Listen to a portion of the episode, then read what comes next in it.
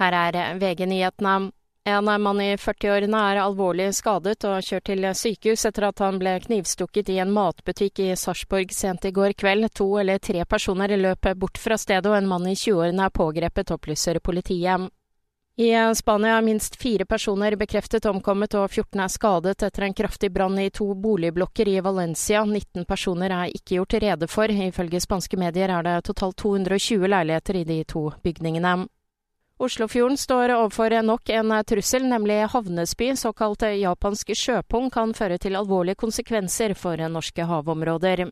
Arten sprer seg fort via skips- og båttrafikk og legger seg som et teppe på havbunnen og kveler andre dyr og planter. Den har heller ingen fiender i naturen og er vanskelig å fjerne. Den er allerede funnet i Rogaland og Vestland og på Koster i Sverige. Forebygging er det beste tiltaket, men det forskes også på bekjempelse. Reporter Frode Sti.